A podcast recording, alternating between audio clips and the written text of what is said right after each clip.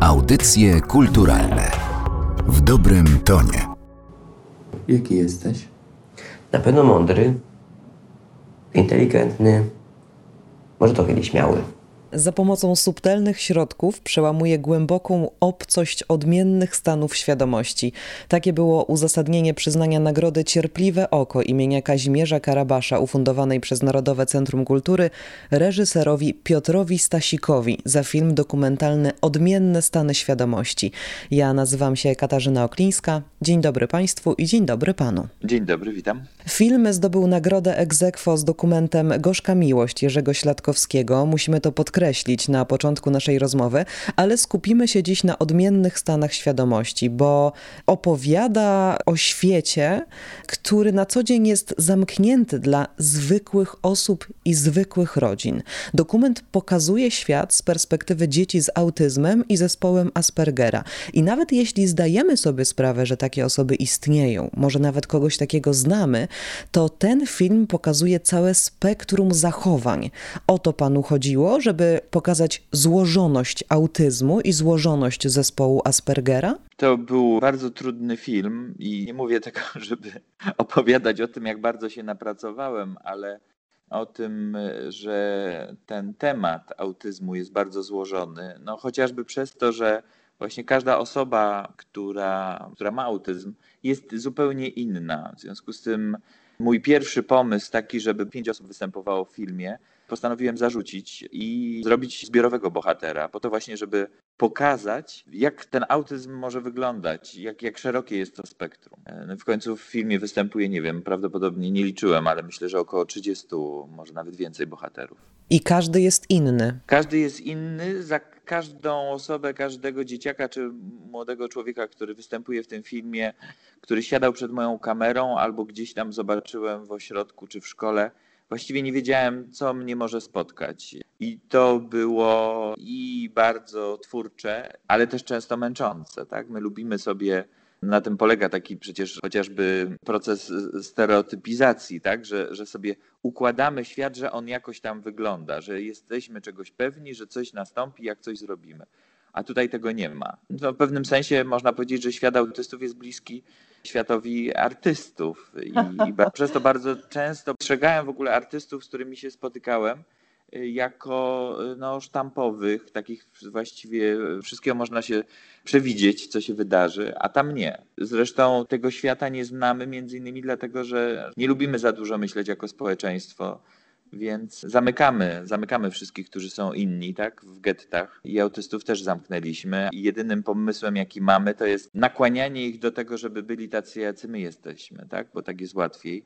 Tymczasem myślę, że droga jest odwrotna, to znaczy powinniśmy się przyjrzeć światu i zobaczyć, co możemy z niego wyciągnąć i jak my moglibyśmy zmienić siebie, żeby autyści mogli funkcjonować w społeczeństwie. Słuszna uwaga i myślę, że to dotyczy każdej inności w społeczeństwie. My mówimy o tej inności, o tym, że każdy bohater jest inny i być może naszym słuchaczom wydaje się, że to jest oczywiste, że każdy człowiek jest inny, ale naprawdę ci bohaterowie to jest całe spektrum zachowań. Z niektórymi mam takie wrażenie, że był bardzo trudny proces komunikacji. Trudno było panu z nimi rozmawiać, bo autyzm i zespół Aspergera też trochę polegają na tym, że ten proces komunikacji jest zaburzony, więc ta inność naprawdę tutaj istnieje. To nie są puste słowa, to nie jest kwestia charakterów. Ale to, co mnie zaskakuje, to co, to, co jest ważne też w Pana mówieniu o, o autyzmie, to podkreślanie, że autyzm, zespół Aspergera to nie są choroby. Tak, to nie są choroby, to jest po prostu inny rodzaj budowy mózgu. Trochę inaczej mózg jest zbudowany. To w ogóle jest też taka mało odkryta rzecz. Nie wiadomo skąd autyzm się bierze. Wiadomo tylko, że jest w jakimś stopniu dziedziczny.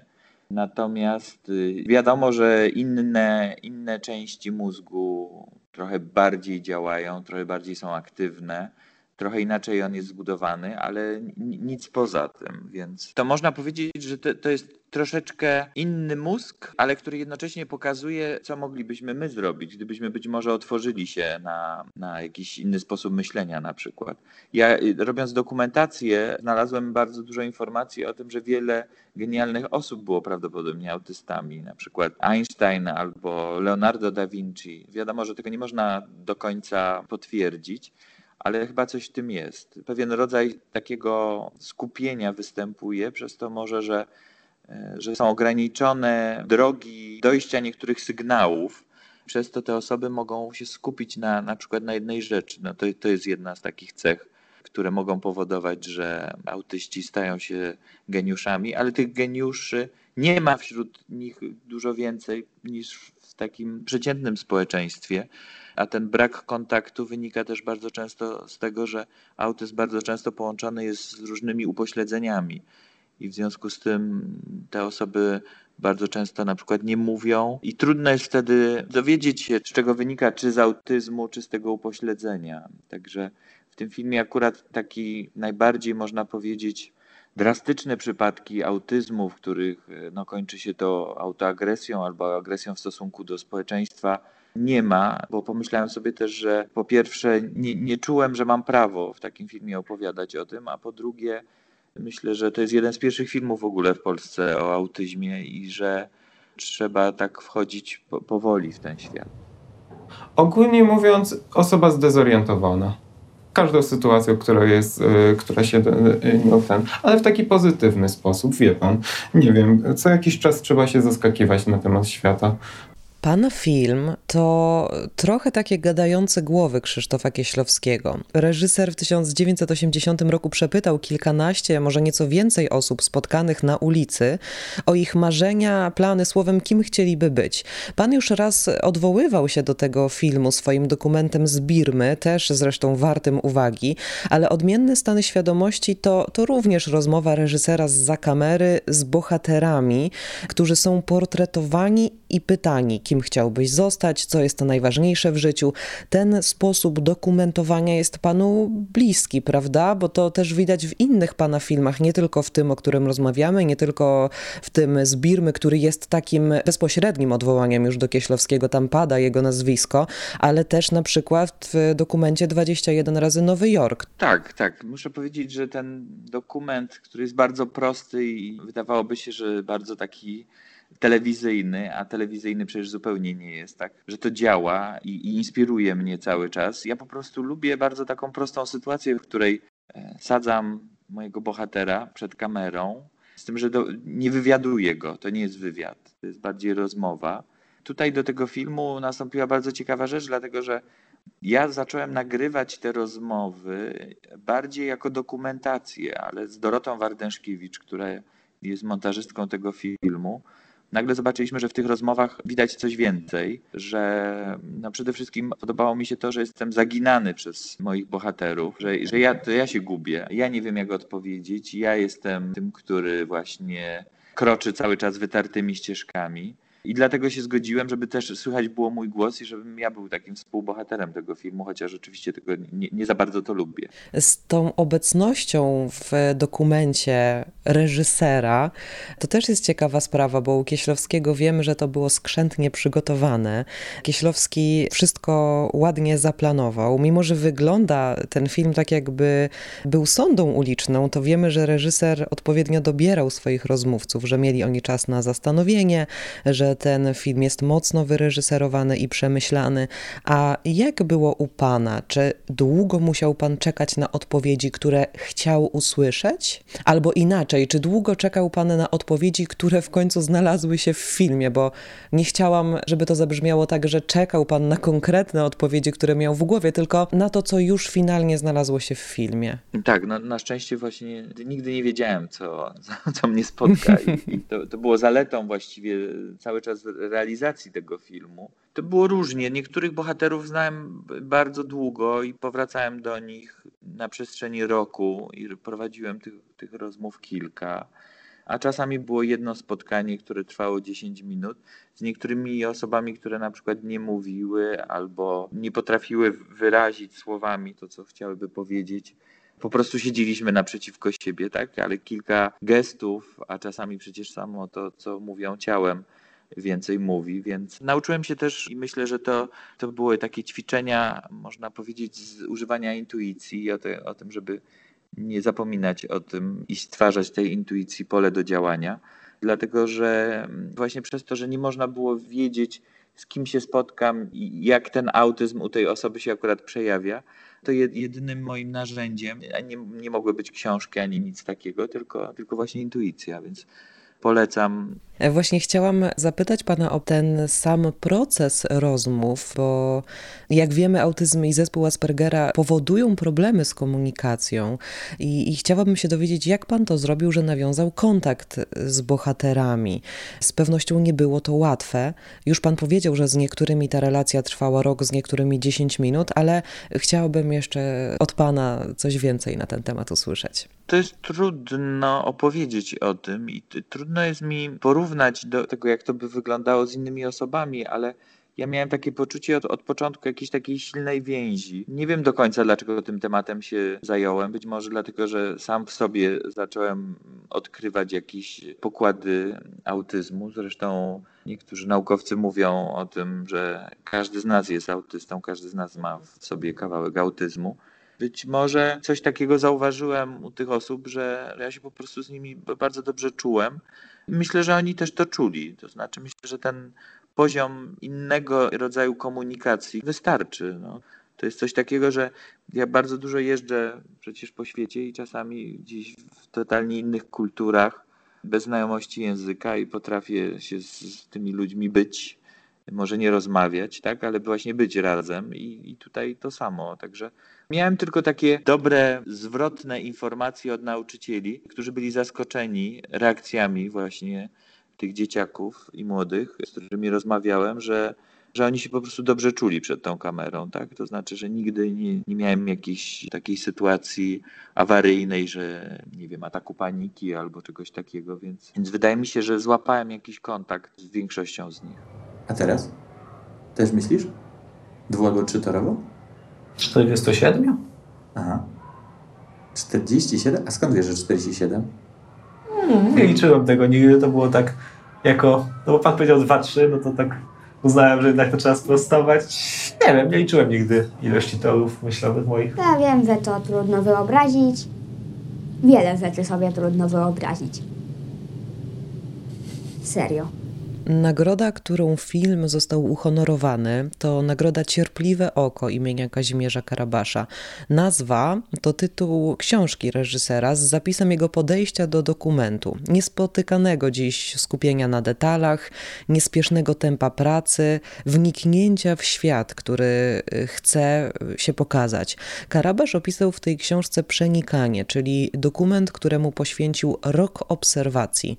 Taki system pracy jest panu bliski bliski? Można powiedzieć, że idealna nagroda dla tego filmu, dlatego że ja myślałem, że szybciej zacznę zdjęcia. Sama dokumentacja trwała około roku. Mnóstwo bardzo ciekawych bohaterów znalazłem, takich, którzy by się nadawali właściwie na indywidualne filmy. To były takie tematy oscarowe, można powiedzieć, które odrzuciłem, dlatego że czułem, że, że po pierwsze być może ja bym nie wytrzymał psychicznie, a po drugie, że kamera ingeruję zawsze w ten świat jakoś i że ja nie, nie miałem takiej zgody w sobie, żeby brać taką odpowiedzialność za to, co się wydarzy, więc dlatego też między innymi to był taki drugi powód, dla którego zdecydowałem się na wielu bohaterów.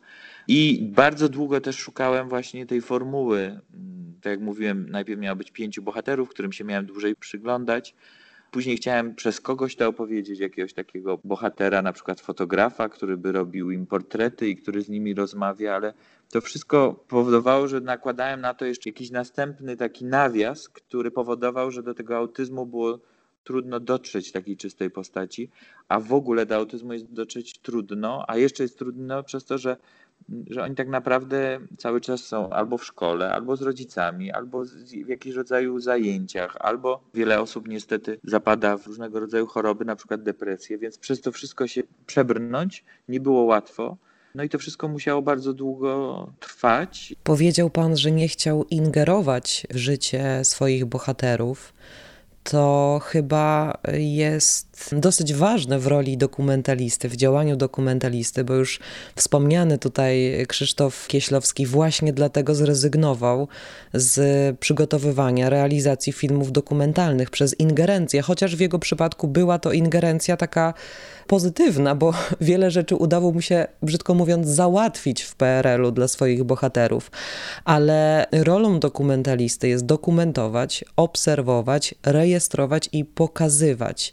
I tak jak pan powiedział, ta postawa jest panu bliska, ale to cierpliwe oko, jeszcze wrócę do nazwy tej, tej nagrody i do Kazimierza Karabasza, znajduje w pana filmie jeszcze jedno uzasadnienie. Skupia się pan na detalach, na bohaterach w zbliżeniu, za którymi jest jednolite tło, za którymi nic się nie dzieje, to oni są najważniejsi. Portretuje ich pan niemal w nabożnym skupieniu rejestrując każdą reakcję, nie tylko słowa. Tą szansę dało mi to, że jestem też operatorem bardzo często swoich filmów. Ja lubię być za kamerą i właśnie ten kadr który wyznacza pewne granice, bo przecież tak ta rzeczywistość nie wygląda. Być może wygląda tak w ich umysłach, ale mnóstwo prac wisi na ścianach, mnóstwo różnych rzeczy się dzieje. To, to od strony estetycznej też bardzo często nieciekawie wygląda. Więc ja starałem się być blisko bohaterów, no przez to, że właśnie sam jestem operatorem, to mi się udawało, ale też zastosowałem często taki rodzaj filmowania, który pierwszy raz y, użyłem w 21 razy Nowy Jork. To jest kręcenie za pomocą odkręconego obiektywu, który trzymam w ręku i który pozwala mi skupiać uwagę tylko na pewnej części kadru, tylko ona jest ostra. I to jest właśnie to, na co ja chciałbym zwrócić uwagę. I też wydaje mi się, że że te osoby, bo bardzo często widziałem w ich takim skupieniu, w takiej powtarzalności pewnych gestów, że oni się też na tym skupiają. W tym czasie być może ich myśli gdzieś tam płyną gdzieś dalej, ale jednak jest właśnie ten pewien rodzaj takiej mantry, jakiejś takiej ciszy, jakiegoś takiego trochę wyobcowania. No i stwierdziłem, że, że, że ten, ten zabieg będzie tutaj też jak najbardziej odpowiedni do, do opowiedzenia o tym świecie, który przecież tak naprawdę nie wiemy, jak on wygląda. I niestety też nie miałem okazji przez pandemię mieć pokazu z moimi bohaterami. I nie wiem tak naprawdę, co oni sądzą o tym filmie, więc czekam, czekam na ten pokaz i jestem ciekaw ich reakcji. A żeby zobaczyć efekty tej dokumentalnej pracy, polecamy Państwu zobaczyć film Odmienne stany świadomości w reżyserii Piotra Stasika. Reżyser był dzisiaj gościem audycji kulturalnych, za co bardzo dziękuję. Również dziękuję. Audycje kulturalne w dobrym tonie.